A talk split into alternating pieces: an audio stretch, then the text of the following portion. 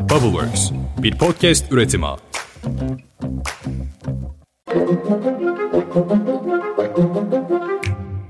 Beş dakikada dünya gündemine hoş geldiniz. Bugün 10 Ocak 2023. Ben Özlem Gürses. Yılbaşı indirimleri bitti. Tarihleri yanlış yazmalar bitti. Bu yıla da alıştık. Elbet salı günlerine de alışacağız. Hafta sonu yine gelecek. Hadi başlayalım. 2023 yılının ilk kabine toplantısı gerçekleşti. 3 saat süren toplantının ardından Cumhurbaşkanı Erdoğan bir ulusa sesleniş konuşması yaptı Erdoğan açıklamasında EYT'li olarak bilinen vatandaşlarımızın sorunlarını çözüme kavuşturacak çalışmayı yakında meclisimize getiriyoruz dedi. Zannediyorum Şubat sonuna kadar Meclis Genel Kurulu'ndan bu düzenleme geçecek. Mart ayında da EYT'liler ilk maaşlarını alabilecek en azından Erdoğan'ın ifadesi bu yönde. Cumhurbaşkanı Erdoğan konuşmasının devamında bir de müjde verdi. Otoyol ve köprü hizmetlerine yıl boyu herhangi bir artış yapılmayacak. Yani dilediğiniz gibi geçebileceksiniz köprülerden, otoyollardan zamsız. Kabine sonrası konuşmasında Cumhurbaşkanı Erdoğan bir de TOG'u desteklemek için gerekirse kamu alım garantisi vereceğiz dedi. Bunu da kayda geçirelim ve geçelim seçim gündemine. Ankara artık seçimlere resmen geri sayıyor. Önce MHP ardından AK Partili temsilciler arka arkaya erken seçim açıklamaları yaptı. Uluslararası haber ajansı Bloomberg de Türkiye seçimlerini değerlendiren bir analiz yayınladı ve manşeti de şöyle attı. Türkiye'de yaşanan Türkiye'de kalmaz. Bobby Gosh imzalı makalede bu seçimin dünyanın en büyük ülkelerinden olan Amerika Birleşik Devletleri ve Rusya'yı da etkileyeceği vurgulanıyor ki haklılar ve Türkiye bir orta güç olabilir ama büyük güçlerin Türkiye'deki seçimlerde payı var deniliyor. Bunda da haklılar. Makalede ayrıca Erdoğan'ın seçimlerde hala en güçlü aday olduğu ifade ediliyor. Bobby Goş'un tam cümleleri şöyle makalesinde. Kendisi ve partisi terörizmi, batının hainliği, eşcinselliğin aile ve İslami değerlere yönelik tehlikelerine ilişkin kültür savaşı mecazlarını da bir önlem olarak kullanıyor. Yunanistan'a yönelik tehditler, milliyetçi coşkuyu artırmaya yönelik. Bu taktikler Erdoğan'ın daha önce de seçim kazanmasına yardımcı olmuştu. Yine yardımcı olabilir. Türkler oylarını kullanana kadar batılı liderler diken üstünde kalmaya devam edecek. Seçimde en önemli başlık şüphesiz ki ekonomi olacak. Cumhur İttifakı seçim ekonomisi kapsamında pek çok kesim için deyim yerindeyse kesenin ağzını açtı. Ancak patlatılmış enflasyon alım gücü dengelerini büyük hasar bırakarak bozmaya devam ediyor. Geçen hafta açıklanan enflasyon ve büyüme rakamları TÜİK'te yani Türkiye İstatistik Kurumu'nda 4 daire başkanını işinden etmiş. TÜİK Ulusal Hesaplar Daire Başkanı'nın beklenenden kötü gelen büyüme verisinin ardından görevden alındığı anlatılıyor. Başkanı değişen dairelerden biri de ölüm ve ölüm nedeni verilerini pandemi sırasında iki yıl açıklamayan Demografi İstatistikleri Dairesi. Enflasyonu hesaplayan dairede de yine yaprak dökümü yaşanıyormuş. Bu arada şimdiki TÜİK Başkanı'nın son 3 yıldaki dördüncü başkan olduğunu da hatırlatalım. TÜİK'te daire başkanı görevden alınabiliyor ama tabii altında durum öyle değil. Altın neyse o zira serbest piyasa ekonomisi. Altından bugün bir rekor daha geldi. Gram altın gün içinde 1335 TL'yi gördü. Peki şuna ne diyorsunuz? Gene bir başka istatistik vereyim. Türkiye'de 2022 yılında 14 Lamborghini, 22 Ferrari ve 314 Maserati satılmış. Kim aldı acaba?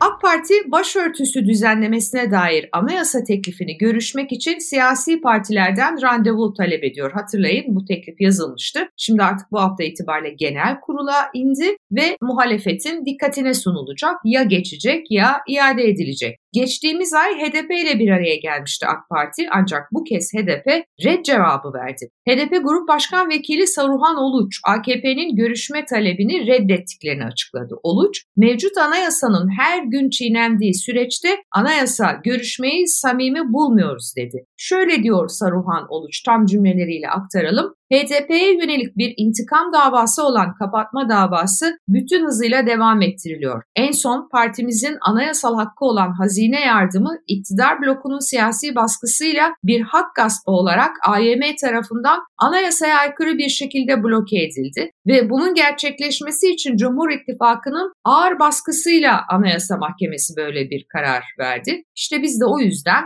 AKP grup yönetimiyle görüşmeme kararı aldık. Evet, Oluç böyle diyor. Bu arada aynı teklif yani görüşme teklifi MHP ve İyi Parti'ye de gitti. Her iki siyasi parti de AKP'nin talebini olumlu karşılayarak randevuyu kabul etti.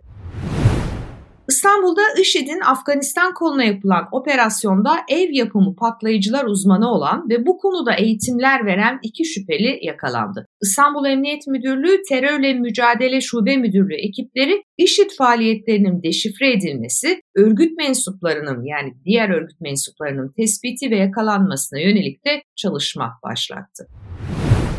Geçelim dış gündeme Türkiye etti. İsveç Başbakanı Ulf Kristersson, Türkiye'nin ülkesinin NATO'ya katılma başvurusunu onaylayacağından emin olduğunu söyledi. Ancak Ankara'nın bu onayın bedeli olarak istediği tüm talepleri yerine getiremeyeceklerini de ifade etti. Kristersson diyor ki Türkiye yapacağımızı söylediğimiz şeyleri yaptığımızı teyit ediyor. Ama aynı zamanda yapamayacağımızı ya da vermek istemediğimiz şeyleri istediklerini de söylüyorlar. Karar Türkiye'nin elinde diyor İsveç Başbakanı.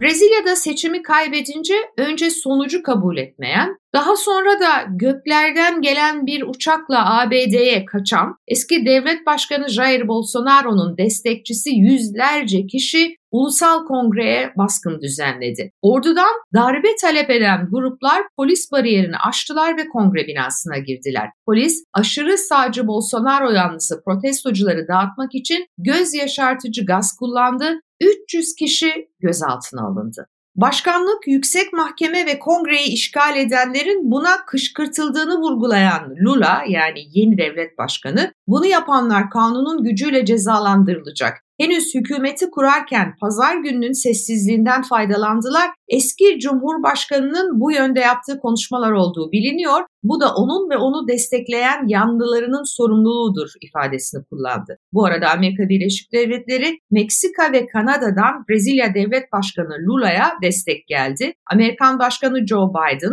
Meksika Devlet Başkanı Andres Manuel López Obrador ve Kanada Başbakanı Justin Trudeau, Brezilya'da Bolsonaro destekçilerinden yüzlerce kişinin baskın düzenlemesini kınadı. Türk Dışişleri Bakanlığı da Lula da Silva liderliğindeki hükümet binalarına yapılan baskını kınayan bir açıklama yayınladı.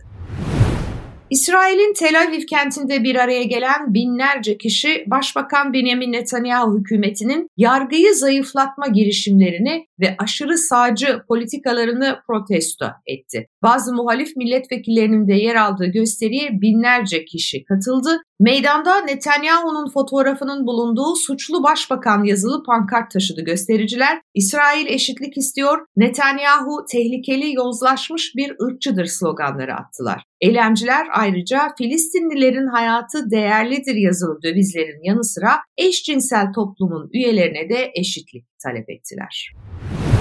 İran'da Mahsa Amini gösterileri sırasında emniyet görevlilerini öldürme suçlamasıyla yargılanan 3 kişi daha idama mahkum edildi. Böylece devam eden protestolarla bağlantılı olarak idama mahkum edilenlerin sayısı 17'ye yükseldi.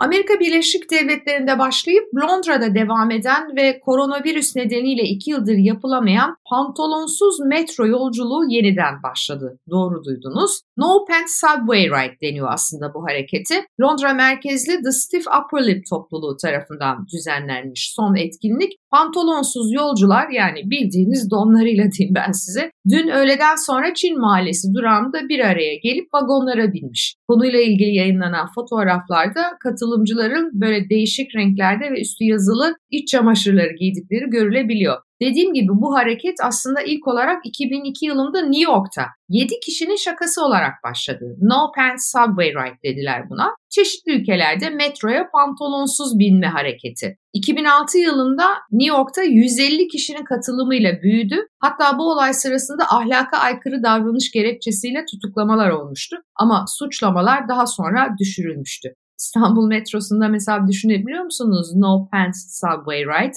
Bilemedim. Sosyal medya platformu Twitter'ın sahibi Elon Musk, tweetlerdeki 280 karakter sınırının Şubat ayı itibarıyla 4000 karaktere yükseltileceğini açıkladı. Yaz babam yaz yani. Sanki yeterince mutsuzluk yokmuş gibi Twitter'da. Neyse biz Spotify'da iyiyiz değil mi? Dur ya açayım şöyle güzel bir playlist, keyfime bakayım. Yarın sabah görüşmek üzere. Hoşçakalın.